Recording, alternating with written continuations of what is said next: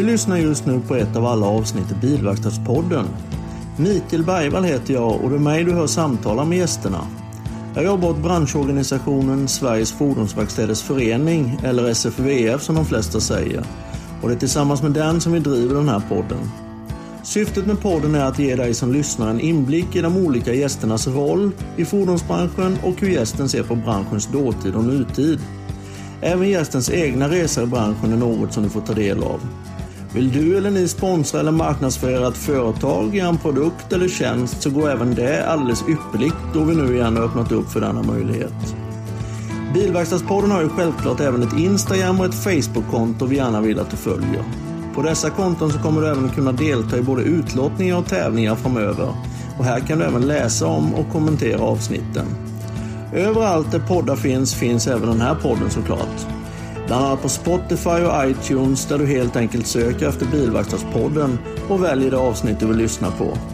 Har du önskemål om någon speciell gäst så går det bra att skicka ett meddelande via Instagram eller Facebook eller skicka ett mail till mig, mikael.bergvall.sfvf.eu. Kontaktuppgifterna finns även såklart i avsnittsbeskrivningarna. Ett stort tack än en gång för att du lyssnar och ha det så jättebra. Tack! Ja, då var ni välkomna till ännu ett avsnitt av Bilverkstadspodden. Idag har jag med mig i podden en gäst som heter Jonny Brester som är ordförande i SPF. Välkommen hit Jonny! Tack ska du ha. Det är trevligt att vara här. Ja, det är väldigt trevligt att ha dig med som gäst. Ja. absolut, absolut. Jag tänkte om vi börjar lite med att du presenterar vem du är. Eh, Jonny Brester är en eh, herre som är född 65. Eh, som har eh, familj med fru, två barn, eh, en av varje sort. Vi har bott i Stockholm i princip hela, våran, hela vårt liv. Mm. Och bor numera i, i Sollentuna Sjöberg, strax utanför, strax norr om Stockholm. Okej, okay, trevligt. Mm. Du sitter som sagt som ordförande i SBF. Och Eh, det innebär att det är mycket jobb med när det handlar om bilverkstäder och just fordonsbranschen. Och då tänkte jag höra lite, så jag är väldigt nyfiken på hur bilintresset från första början kom upp. Ja, den är, det är en intressant bit. Egentligen så om man ska gå riktigt långt tillbaks eh, så framförallt på min farfars sida och min farbrors sida, där har det varit eh, mycket bilsport eh, och motorsport överhuvudtaget. Min farfars bror var ju väldigt framgångsrik i speedway, 1000 meter. Okay. Så att när jag var 8-10 år då hängde ju jag mer eller mindre på speedwaybanor och eh, min eh, far och eh, som sagt min, min farfars bror, de var ju besiktningsmän på Solvalla när det var tusen meters och så vidare. Ja. Så att det har väl kanske varit mer tvåhjuligt än fyrhjuligt. Eh, men det har alltid varit motorsport i någon mening. Ja. Jag är ju ja. väldigt speedway-intresserad. Jag är från Vetlanda då, så, så, så jag har ju rätt mycket kopplingar till speedwayen där. Så det är ju, men då kanske du känner till Conny Samuelsson och de här som har kört en gång i tiden. Fast de körde väl inte tusen meter? Nej, jag är, inte, jag är ingen historiebok i, i det avseendet. Men, men det har alltid funnits ett, mm. ett hjärta som klappar för den sidan. Ja. Eh, och jag har väl egentligen aldrig förnekat utan jag har bara bejakat det. Ja. Eh, men sen när jag växte upp, eh, då då var min målsättning under en lång tid, det var egentligen att bli jägmästare. Okay. Eh, så det hade då såklart ingenting med, med motorer eller, eller motorsport att göra. Utan det var någon form av latent intresse. Ja. Men sen av olika skäl, eh, ja jag kan väl säga det, Christer Liljenberg han brukar alltid ta upp det när vi sitter på möten och middagar. Att ja, alltså, Janne Brester har varit delfintränare brukar han säga. Och alla liksom, va? Ja, jo men det var en, en period i mitt liv, en sån här drömjobb. Okay. Eh, och det innebär att jag bodde då eh, lite mer än tre år nere i Krokek, där Kolmården ligger. Kolmårdens djurpark, där jag var delfintränare. Eh, men sen efter en tid då så, så började det hända saker i mig. Och då sökte jag en tjänst på KG Knutsson ja. Eh, som var utsatt i, i Dagens Nyheter på deras eh, dåvarande orderavdelning. Och jag fick den. Vilket år var det ungefär? Det här var alltså 1987 på våren. Eh, så då var det ett kraftigt lappkast och sen stängde jag igen den här jägmästardörren eh, då. Och så blev allt som har med djur och natur, jakt, viltvård, det har sedan dess varit ett intresse. Men det blev inget jobb. Nej. Eh, och sen började jag karriären på KG Knutsson då, våren 87. Mm. Och du har ju såklart haft många olika roller inom KG Knutsson då kan jag tänka mig. Ja, det har varit många olika roller. Men väldigt tidigt, eh, jag tror det hann gå kanske fem månader, eh, så eh, fick jag möjligheten att bli då chef för den här avdelningen. Ja. Så att eh, jag eh, tog mig an den utmaningen eh, och förstod förmodligen inte då vad var det jag gav mig in på. Men jag hade stöd ifrån de andra medarbetarna på avdelningen. Så att jag hoppade på det. Och, och sen, sen har det hänt mycket sen dess. Ja. Om man säger så. Men det innebar ju att eh, ganska tidigt så, så odlades de här eh, ådrorna vad det gäller eh, marknadsföring, försäljning framför allt. Mm. Och ledarskap. Ja, det förstår jag. Ja. Hade du någon nytta av delfintränarutbildningen där tills just de här uppgifterna? Eller inte? eh, kanske inte, ja till viss del, men alltså det här med att studera djur mm. ja. eh, i olika eh, avseenden, vilket jag också gjorde då under, en, under utbildningar och på Kolmården. Eh, så iakttar man massa saker och man drar samband mellan hur olika individer beter sig mot varandra Eh, och det där någonstans har jag väl haft en viss nytta av. Mm. Att, att iaktta en grupp. Mm. Eh, hur eh, man behandlar varandra, hur man ser på varandra utan att man kanske alltid pratar om eller med varandra. Så kan man se väldigt mycket bara genom att titta. Ja. Eh, och det, om man ska hitta någonting som man har med sig från de dagarna så är det kanske just den biten då. Ja. Fast det kanske är mindre, mindre harmoniskt med, med människor än vad det är med delfiner eller? Alltså djur är ju väldigt djur. ärliga och ibland råa mot varandra. Ja. Eh, där går man inte så att säga bakom ryggen eller hymlar utan antingen så är det bra eller så är det inte bra. Och det, låter man, det är man väldigt tydlig med ja. i, i djurens värld eh, enligt min mening. Eh, och där är ju människan annorlunda eftersom vi eh, kan så mycket mer. Så är det. Ja. Jag tänkte på det, du pratade om, då kom ju marknadsföring och försäljning och sånt in i bilden där efter ett tag. Och eh, det har ju mycket med beteende hos människor att göra, hur man ska hantera marknaden överhuvudtaget och försäljning ja. och sånt där. Hur pass är du hur pass djupgående intresserad? Är du, har du studerat även beteendevetenskap och sånt eller hur, hur känner du? Nej, jag inte, eh, alltså inte annat än att det ingick som en del i, i de första utbildningarna då. Mm. Eh, nu ska vi väl inte hålla oss kvar för mycket vid, vid, den tiden. Det är Nej. väldigt, väldigt, väldigt länge sedan. Men, men eh, alltså in, det vi ska prata om lite senare, alltså åren på Öhlins. Ja. Eh, då kom ju det här med många kulturer in i bilden. Mm. Så att och det var ju ett intresse som jag kanske inte riktigt då på den Knutsson-tiden förstod att jag hade. Utan det har ju växt fram med åren. Ja. Eh, och, men just det här att, att förstå olika kulturer. Vad är det som driver? Vad är tabu i en kultur och, och inte tabu i en annan kultur? Eh, alltså då pratar vi ju länder många ja. gånger eller delar av världen. Mm. Eh, och, så att alltså den delen av beteende vetenskap om man säger att, att olika kulturer fungerar på olika sätt. Eh, det har ju intresserat mig mycket och jag har eh, försökt lära mig mycket och sen försökt göra det till en styrka mm. Eh, hos mig själv. Så att kommer jag till Japan så är jag i Japan och agerar så japanskt jag kan. och inte då kanske som ja, Kina eller kanske i, i viss mån USA eller något annat som inte alltid funkar eh, i Japan. Eller det kan vara Thailand, det kan vara Indonesien, eh, vad som helst. Va?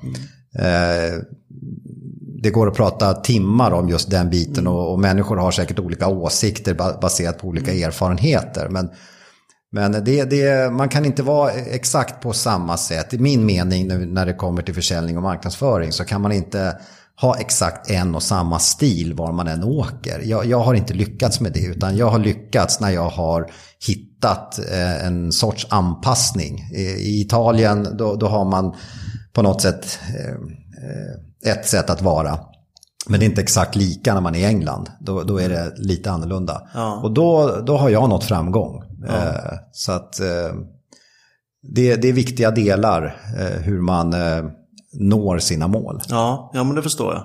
Och det är vi som du säger, vi ska inte hålla oss kvar vid det här, men, men det kan man även implementera lokalt eller vad som man säger Sverige. För när man gör verkstadsbesöken där så alla människor beter ju sig och där får man ju förändra sig lite. Det, det började ju då på KG Knutsson-tiden. Ja, ja. För att eh, efter de tre ungefär åren som jag hade då ansvaret för den här orderavdelningen som, som jag sedermera gjorde om till en innesäljavdelning. Ja. Då fick jag ju en, en förfrågan om att, att utveckla eh, bilhandeln, alltså originalhandeln på KG Knutsson. Ja. Eh, så då började jag och en kille till eh, att resa i Sverige.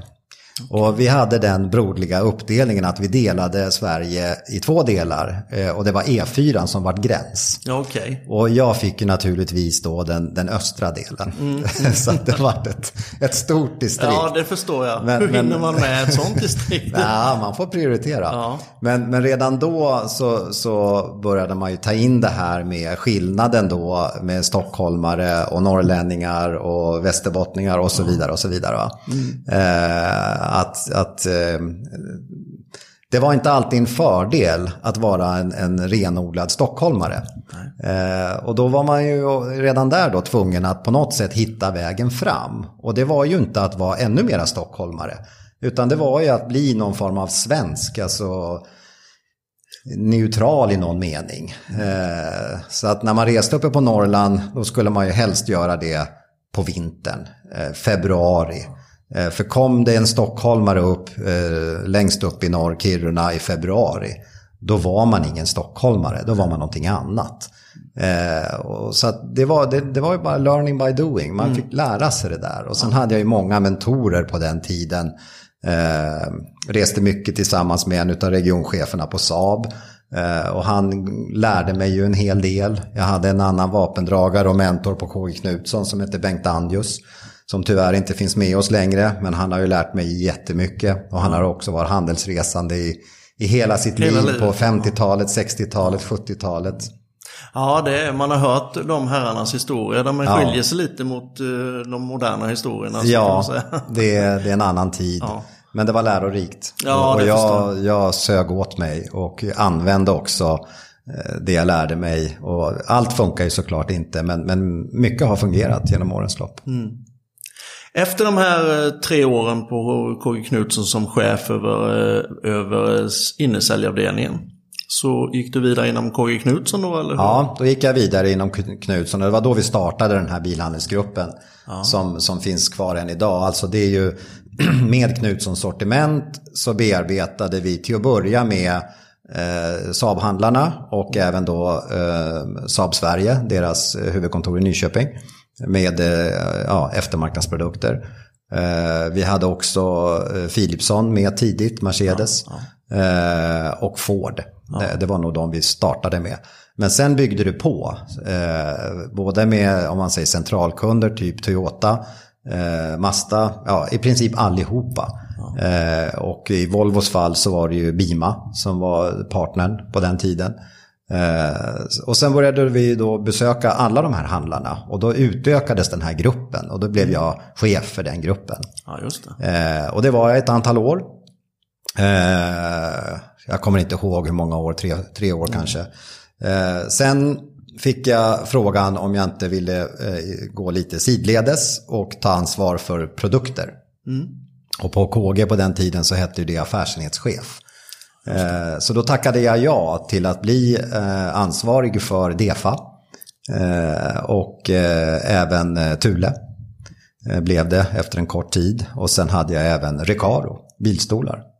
Och sen några av KGs egna brand, en, en körjournal som jag Hette den Easyway kanske? Jaha, okej. Okay. okay. Nej, jag har ju sett på kontoret där uppe att det är rätt eh, väldigt från tidigare i tiden med, med material och sånt som är inne på konferensrummet där. Ja. Av produkter och sånt. Ja, så det, är, väl... det är lite museum. Ja. Nej, men så då, då gjorde jag det i eh, någonstans kanske tre år. Eh, och sen de, de sista åren eh, på KG då gick jag tillbaks till försäljning, marknadsföring och, och blev eh, försäljningschef då för eh, de flesta delarna av KGK Handels som det hette på den tiden. Ja, just det. Så totalt sett så blev det 12 år på KG. Ja, det är mm. respekt. Ja. Definitivt. Efter de här 12 åren, Kände du då att det var dags att gå vidare eller blev du som sagt uppsnappad? Nej, jag blev uppsnappad. Ja. Eh, så att, men men det, det, som hade vuxit fram då, det var väl det här med, med eh, marknader och kulturer utanför ja. Sverige. Ja. Så att jag hade ju under åren, eh, både som försäljningschef och som affärsnätschef, fått mycket kontakt med framförallt Tyskland då, som är en stor leverantörsmarknad till, till KGK. Men även, eh, även Japan med bland annat NGK Tändstift så hade man sakteliga börjat förstå eh, att det fanns någonting utanför Sverige. Ja. Eh, så det första steget var, då blev jag faktiskt kontaktad av Panasonic.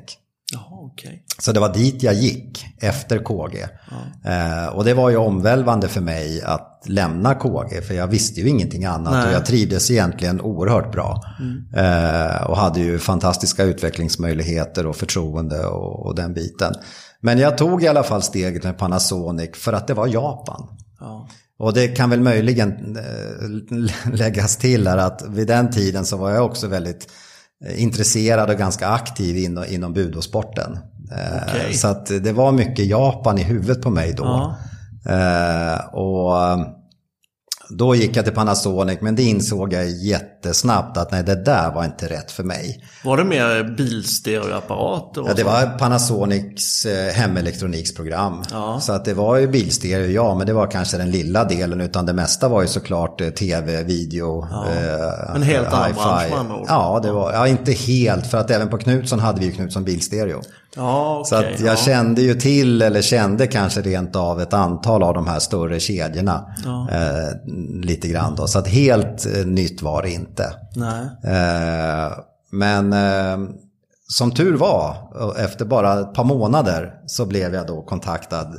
Jag kan väl säga det som en liten lärdom att jag aldrig blivit så kontaktad som jag blev då. Och det jag lärde mig då var att när man Alltså om rekryterare och omvärlden, de, de låser ju in en individ och säger att den kommer vi aldrig åt. För att den personen är helt dedikerad den där arbetsgivaren, den där arbetsplatsen. Men när man sen flyttar på sig, då insåg jag, de jaha, var han flyttbar? Mm. Eh, och så att ja, då vart jag väldigt mycket kontaktad ja, under en period. Jag. Men då hörde i alla fall eh, Ulins av sig. Mm. Och de var i ett läge där, där de skulle ha, satsa mer då på försäljning och marknadsföring. Mm. Eh, och då ägdes ju Öhlins till 75% av Yamaha. Ja. Så då hade vi den här japanska delen. Plus att det var ju då väldigt mycket prat om hur man skulle växa. Eh, så då, och sen låg det då mycket, mycket närmare där jag bodde. Mm. Eh, så då kändes det enkelt att ta beslutet ja. att eh, lämna då Panasonic bara efter några månader, fem månader tror jag det var, och gå till Öhlins. Så då började jag på Öhlins i slutet av 98. Mm. Men det här, eh, alla kontakter och sånt som, som ringde dig och ville ha med dig på tåget sånt där. Det innebär ju att man har levererat någonting såklart.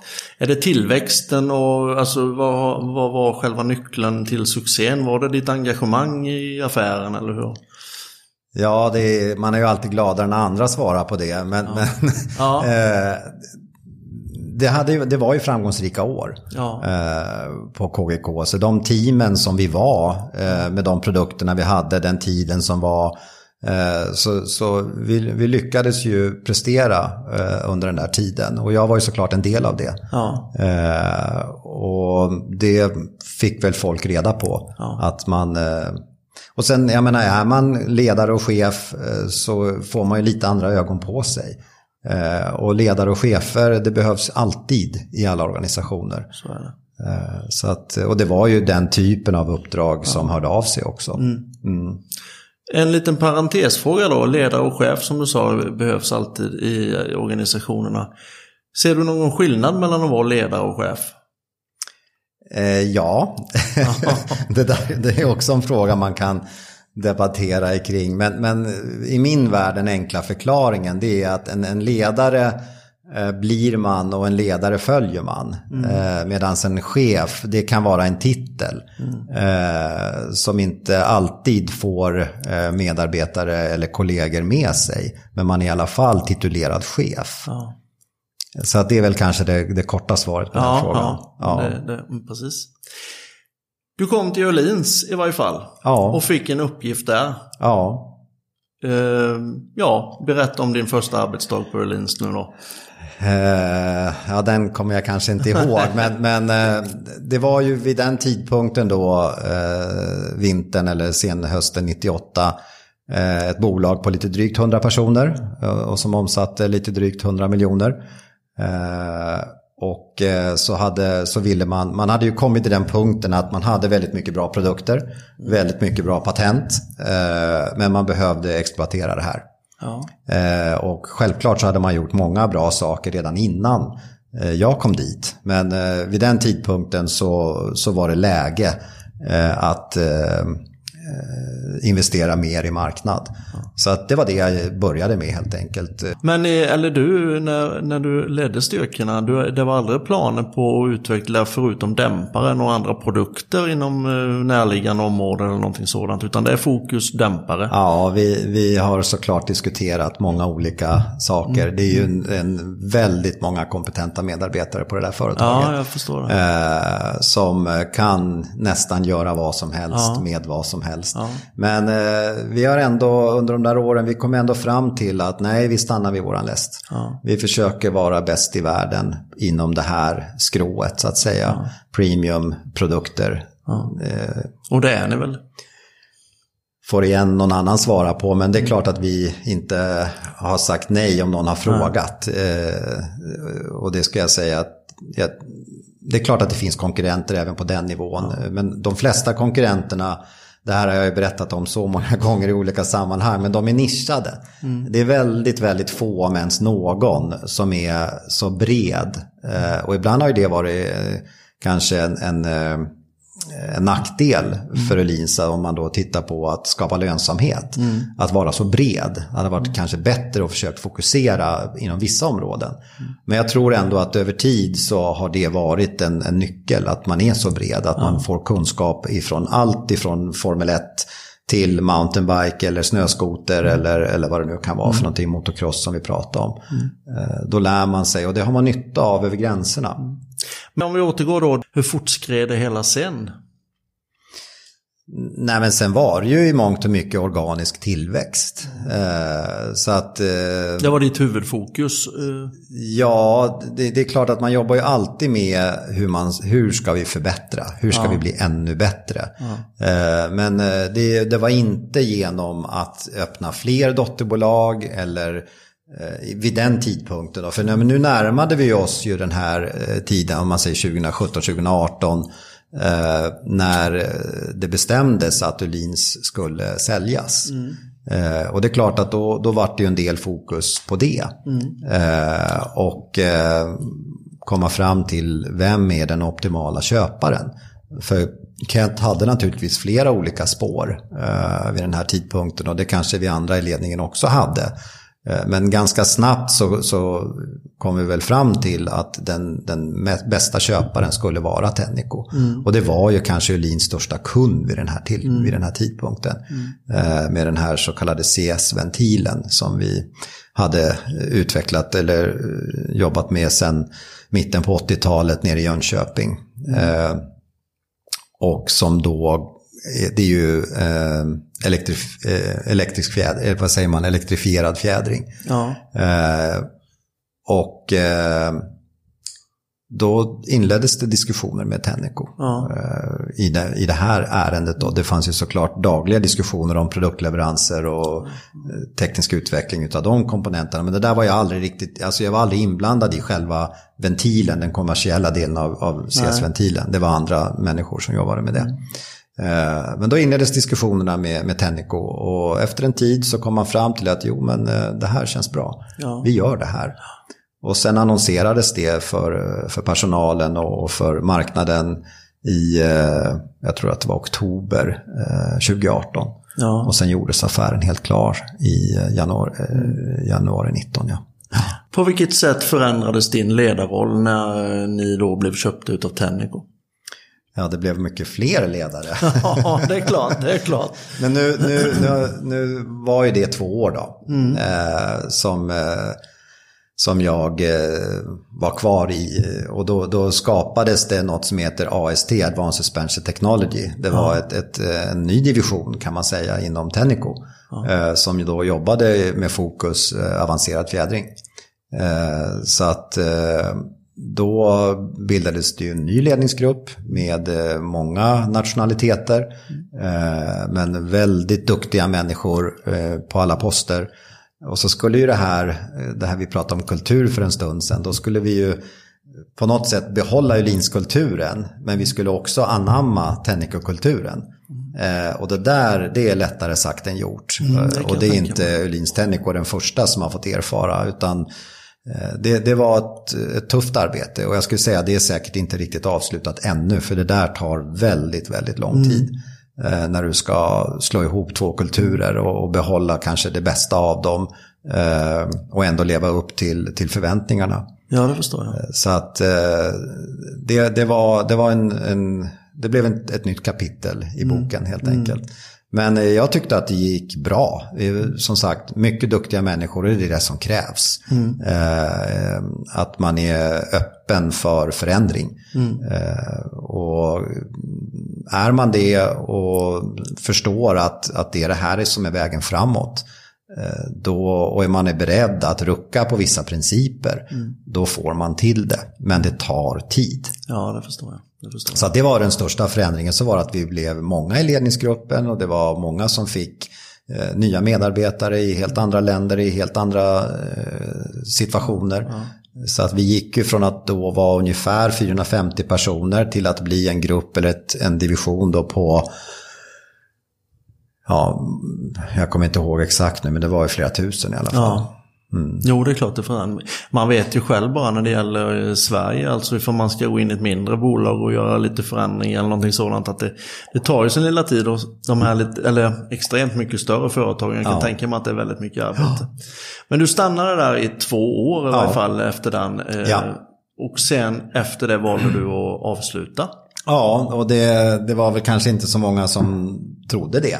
Nej. Eh, det var vi tillbaka till det här som vi pratade om för en stund sedan. Att, att eh, ja, men han, Johnny Brester där, han är ju Lins. Det, det går ju inte att, leva på något annat sätt. Nej. Men eh, jag hade någonstans bestämt mig att ska jag leva någon sorts annat liv än det jag har levt. Eh, då är det nu, medan jag har hälsan. För att det sa jag kanske inte inledningsvis, men jag har ju väldigt många fritidsintressen som är, bygger på att, man, att, man, att kroppen fungerar. Ja. Eh, och då vill jag kanske kunna lägga mer tid på det.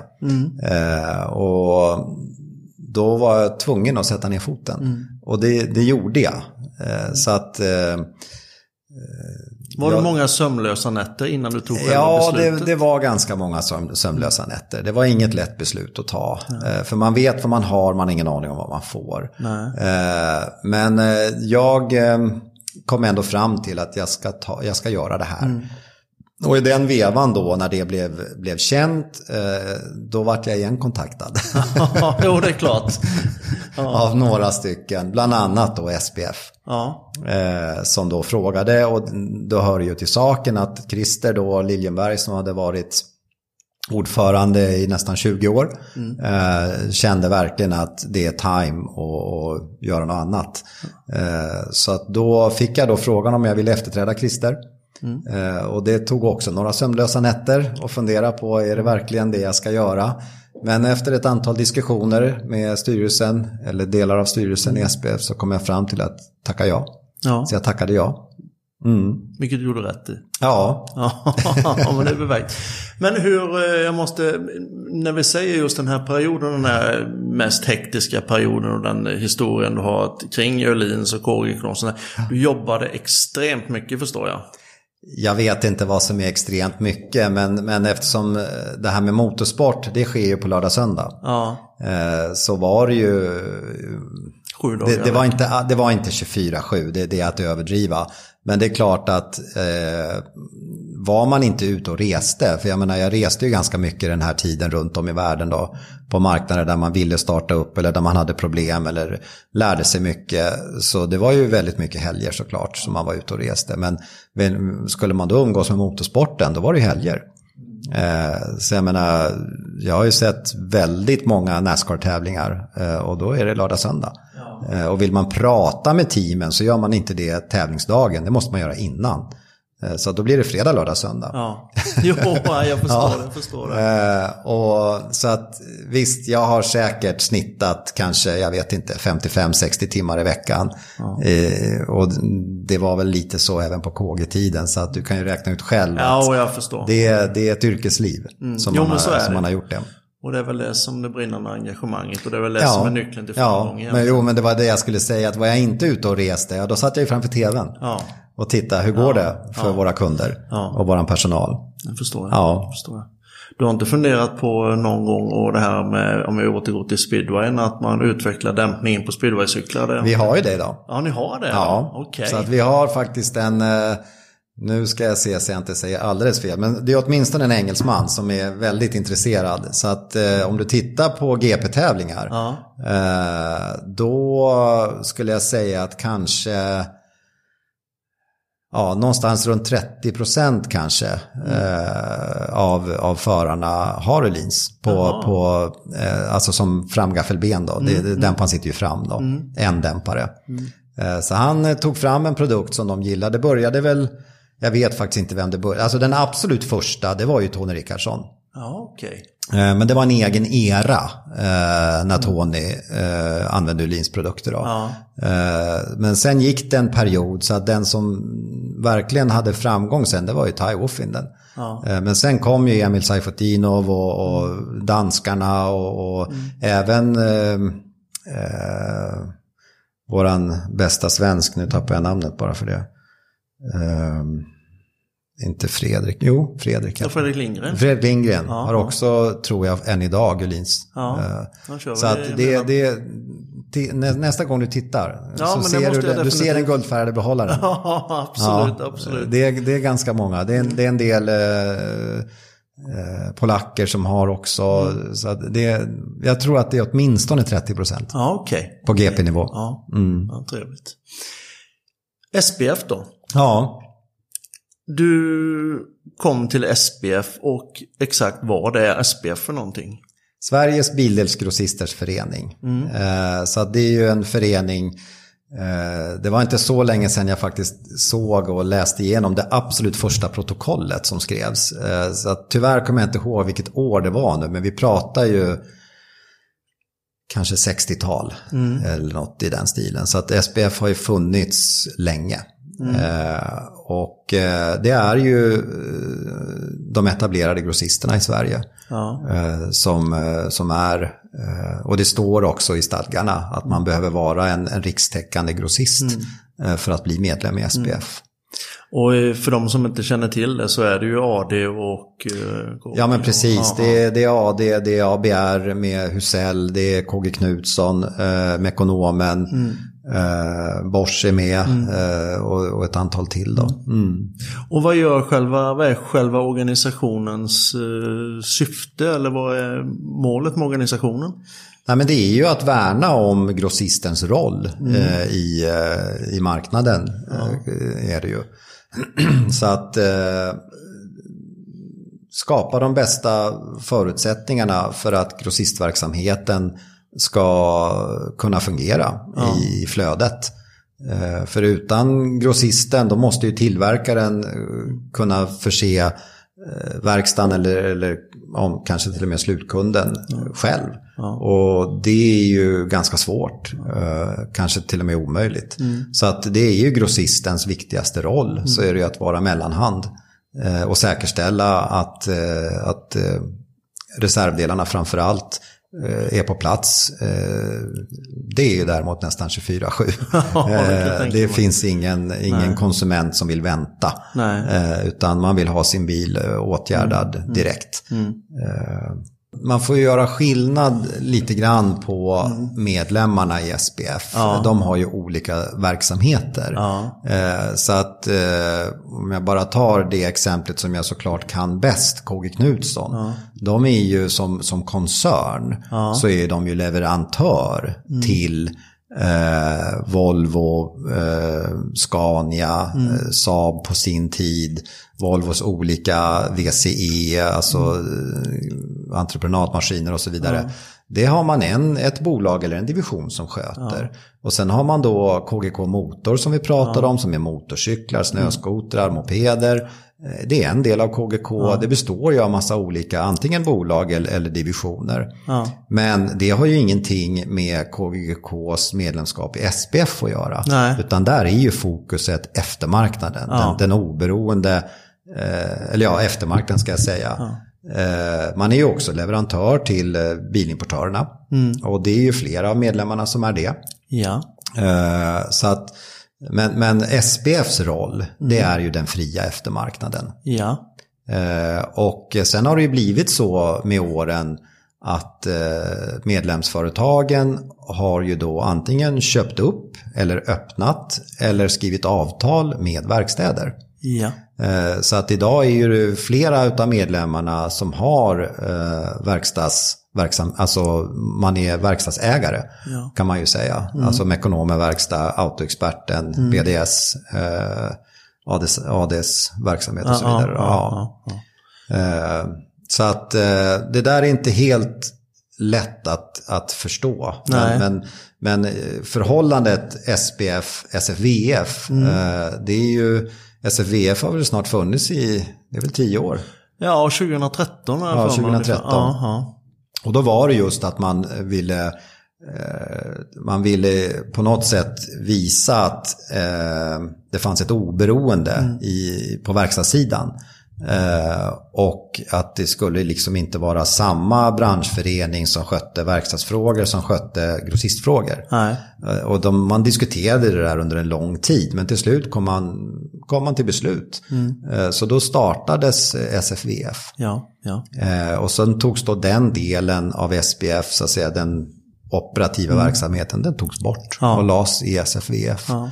Sen har ju naturligtvis SSVF utvecklat det mm. väldigt mycket sedan 2013. Mm. Så det var nog ingen som kunde förutse vid den tidpunkten vad det har blivit eller vad nej, det skulle nej. bli. Sen du började på SPF nu då, jag förmodar att du, tanken var att du skulle få mer tid över till din fritid. Ja. Eh, har det blivit så? Ja. Det har det blivit. Men inte så mycket som jag hade tänkt. Vad är det du huvudsakligen vill göra då? Är det skogen? Nej, men det, det, det, det det det jag brukar säga att det är luxury problems. Men alltså, mm. det, det, ta bara häromdagen, förra veckan. Mm. Eh, så sken solen på morgonen. Eh, jag tittar ner och, och, ser då Edsviken som ligger i, i Sollentuna. Mm. Och ser att de åker skridskor, långfärdsgriller nere på Edsviken. Mm. Eh, och vid den där tidpunkten under tidigare livet, mm. då satt jag på kontoret. Mm. Eh, eller så var jag ute och reste någonstans. Men nu kunde jag bara säga till mig själv att Jonny, hämta grillerna, stick ner och åk. Ja. Och var precis vad jag gjorde. Eh, så att ut i garaget, tog fram långfärdsgrillerna och ner på isen. Ja. Och sen åkte jag en timme. Och, och, det är det där för mig som jag har saknat. Ja. Eh, och det är klart att de flesta kan inte, kan inte leva på det sättet. Men jag har ju just nu möjligheten. Jag har hälsan, Eh, jag har ekonomin, jag kan göra det. Ja. Eh, och sen är jag ju väldigt intresserad av, av längdskidåkning, utförsåkning. Ja. Och det är lite samma drivkraft att om det nu har snöat och de har preppat spåren. Eh, då är det ju där jag ska vara. Ja. Inte på ett flygplan på väg till någonstans i världen. och som jag säger, det, det, det är få förunnat att kunna leva på det sättet. Mm. Men nu har jag den möjligheten. Och då vill jag försöka ta den möjligheten så länge jag kan. Ja, och det är ju bara att gratulera ja, man har möjligheten. Tack. Det är väl, det är väl ja. helt underbart. Har du, har du tidigare ungdom, har du hållit på med någon idrott så... Eh, ja, men jag har idrottat hela mitt liv. Ja. Eh, kanske inte på elitnivå på det sättet. Eh, men det har alltid varit en viktig del av... Och, Säkert alltså att det hänger ihop med det här med engagemang. Orkar man när man inte sover jättemycket och så vidare. Men har man då en bra fysik Mm. Eh, så det påverkar eh, sättet att tänka, det påverkar ja. vad man orkar och så vidare. Mm. Så det har varit en väldigt viktig del mm. hela tiden. Eh, men, är det där du tankar energin? Ja, det ska jag säga mm. att det är. Mm. Alltså tillsammans med familjen, men, men sen är det i olika, det spelar ingen roll om det är spela squash, badminton eller åka utförsåkning, längdåkning, vattenskidor, paddla kajak eller spela golf. Eh, men eh, då tänker man på någonting annat. Ja. Man och du kan tömmer. koppla bort. Ja, det ska jag säga. För ja. att jag är så intresserad då av det jag håller på med. Ja. Eh, så att om man tar den kanske mest utmanande sporten i det sammanhanget, golf. Ja. Så du kan inte tänka på något annat om du ska prestera i golf. Nej. Och sen är det så mycket teknik att lära sig. Eh, så du måste vara närvarande när du antingen tränar golf eller spelar golf. Annars kan du lägga av. Alltså om man nu vill ja. prestera. Ja, jag förstår. Ja. Därför inte jag lyckades med golfen förmodligen då. Speciellt bra. Ja. Jag har försökt några säsonger. Vad spelar du på för handikapp? Är det någonting du vill avslöja? Ja, det spelar ingen roll. Just nu är jag väl på sju kanske. Ja, men du är du en väldigt bra golfspelare. Jag vill fortfarande utvecklas. Ja, det förstår jag. Det förstår, det förstår jag. Ja. Vad ser du för uh, möjlighet och vad har du för vision för framtiden nu SPF? Och är det någonting som du känner? Att, vad är utmaningarna? Alltså det, det, det är enorma utmaningar som mm. vi står inför. Alltså, jag skulle säga inte bara SPF utan hela våran bransch. Ja. Och det, är ju, det, det skrivs ju elektrifiering. Ja. Jag tror att alla eh, känner till det här idag och gör man inte det så är det dags att, att öppna datorn och googla för att nu kommer det. Eh, man kan vara konservativ och säga att eh, mm, det här med elbilar är, det är nog ändå inte möjligt med tanke på infrastruktur, eh, elförsörjning och distribution. Det är enorma investeringar. Men det kommer inte att gå tillbaka. Eh, sen exakt vad den slutgiltiga tekniska lösningen eh, kommer att vara, det, det är i alla fall inte jag man att svara på. Om det är hybridlösningar eller vad det kan vara. Men att, att det går i den riktningen, det är kristallklart. Mm. Eh, och det, det ser man ju då. Jag har ju eh, som, som ordförande i SPF så är jag ju också då Sveriges representant i, i något som heter Figefa. Ja. Alltså som jobbar väldigt mycket med lobbyverksamhet och gentemot EU-kommissionen. Mm. Eh, och det här är ju såklart inget svenskt utan det här är ju globalt. Ja. Eh, och eh, då är det att skriva, alltså man kompletterar och skriver om lagar och förordningar så att det ska passa elektrifieringen. Mm. med allt vad det innebär. Nu är det ju mycket prat om, om säkerhetsrelaterade frågor, att det inte ska vara lättare att stjäla en bil eller en lastbil. Ja då måste man jobba med det. Och det måste vi som bransch jobba med. Mm. Eh, så att då eh, blir jag ju också involverad i alla den typen av, av frågor eh, för SPFs räkning. Mm. Men också då, vi har en annan sån en samarbetsgrupp som heter AFCAR. som har sitt säte nere i, i Bryssel. Och i Sverige så är vi ju då SFVF, SBF, FVU, alltså verkstadsutrustning, mm. M-Sverige. Eh, och eh, LIS Europe, LIS-plan, jag kommer inte ihåg vad de heter. Det är vi som är representanter. Så då jobbar ju vi då mot politiker, myndigheter, eh, i den här så kallade CERMI-frågan som är bestämd och beslutad och ska drivas igenom. Som också är komplex med många olika moment.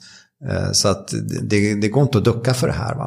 Utan det, det är bara all in. Mm. Och hjälpa till så gott man kan. Så du vill sätta ett tydlighetstecken där att man ska läsa informationen kring Sami man får? Om man vill vara förberedd och om man vill eh, på något sätt eh, Alltså att, att man vill driva sin verksamhet vidare, mm. framförallt om man är verkstad. Mm. Då ska jag säga att man är skyldig att göra det. Mm. Man är skyldig som, som ägare och man har medarbetare så det, det är en skyldighet att vara påläst. Ja. För du har ansvar för din, dem du har anställt, deras familjer. Eh, man måste vara på tå här alltså. Ja. Eh, annars så kommer det att bli en, en kall dusch så småningom. Mm. Mm. Sen, kan man ju, sen har man olika val man kan göra. Man behöver inte gå fullt ut med, med Särmi. Man kan välja kanske en del andra arbeten men, men eh, det kommer bli betydligt eh, färre eh, arbeten man kan göra på en bil i framtiden ja. om man inte följer de här certifieringarna och, och lagarna och ja. förordningarna. Så är det. Och det gäller ju inte bara bilverkstäder, det gäller ju däckverkstäder och, och de flesta. Ja, det här är ju inte kristallklart ännu. Vi ska ju tillsammans med bland annat SFVF bli bättre på att kommunicera mm. ut mot marknaden. Vad är det som kommer att gälla? Eh, men även för oss så är vi ju liksom i lindan av det här då.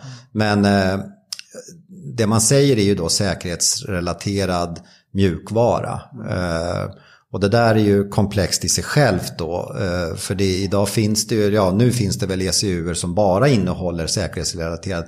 Men vi tror ju att inom inte allt för många år så kommer ju antalet ECUer vara betydligt färre och man kommer att packa mycket, mycket, mycket mer data på respektive enhet. Ja. Och då är frågan hur kan man särskilja vad som är säkerhetsrelaterat eller inte. Mm. Eh, så att det här kommer vi att skriva mer om och kommunicera mer kring.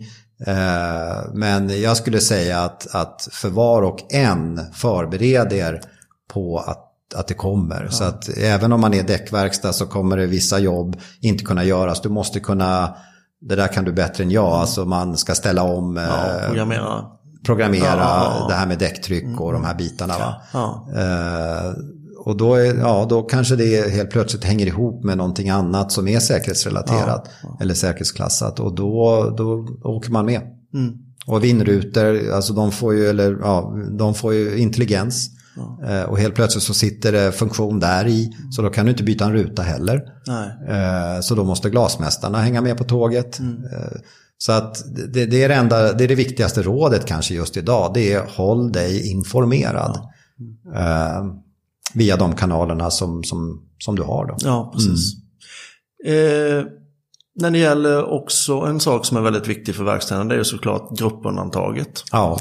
På vilket sätt eh, kommer gruppundantaget och eh, påverka, eh, ja i kombination med CERN och sånt där, kommer det, kommer det ske några förändringar där tror du? Eller hur får man spekulera? Ja, vi har ju medarbetare i SPF som är väldigt pålästa på gruppundantaget. Ja, ja. Nu är det ett tag sedan jag läste de där grejerna, men, men det det blir ju inte några riktiga lappkast i, i, den nya utgåvan. Det blir en del eh, skarpare skrivningar som jag har förstått det. Eh, men eh, alltså, om man kan förhålla sig till den tidigare utgåvan, den som fortfarande gäller idag, så kommer man vara rätt så okej även mm. med den nya. Stort, stort tack för att du ställde upp Jonny. Ja, tack så jättemycket. Det var jättetrevligt. Ja. Ha det så bra. Och lycka till med långfärdsskridskoåkningen ja. och allt annat. tack, tack ska du ha. Tack, tack. Hej. Hej.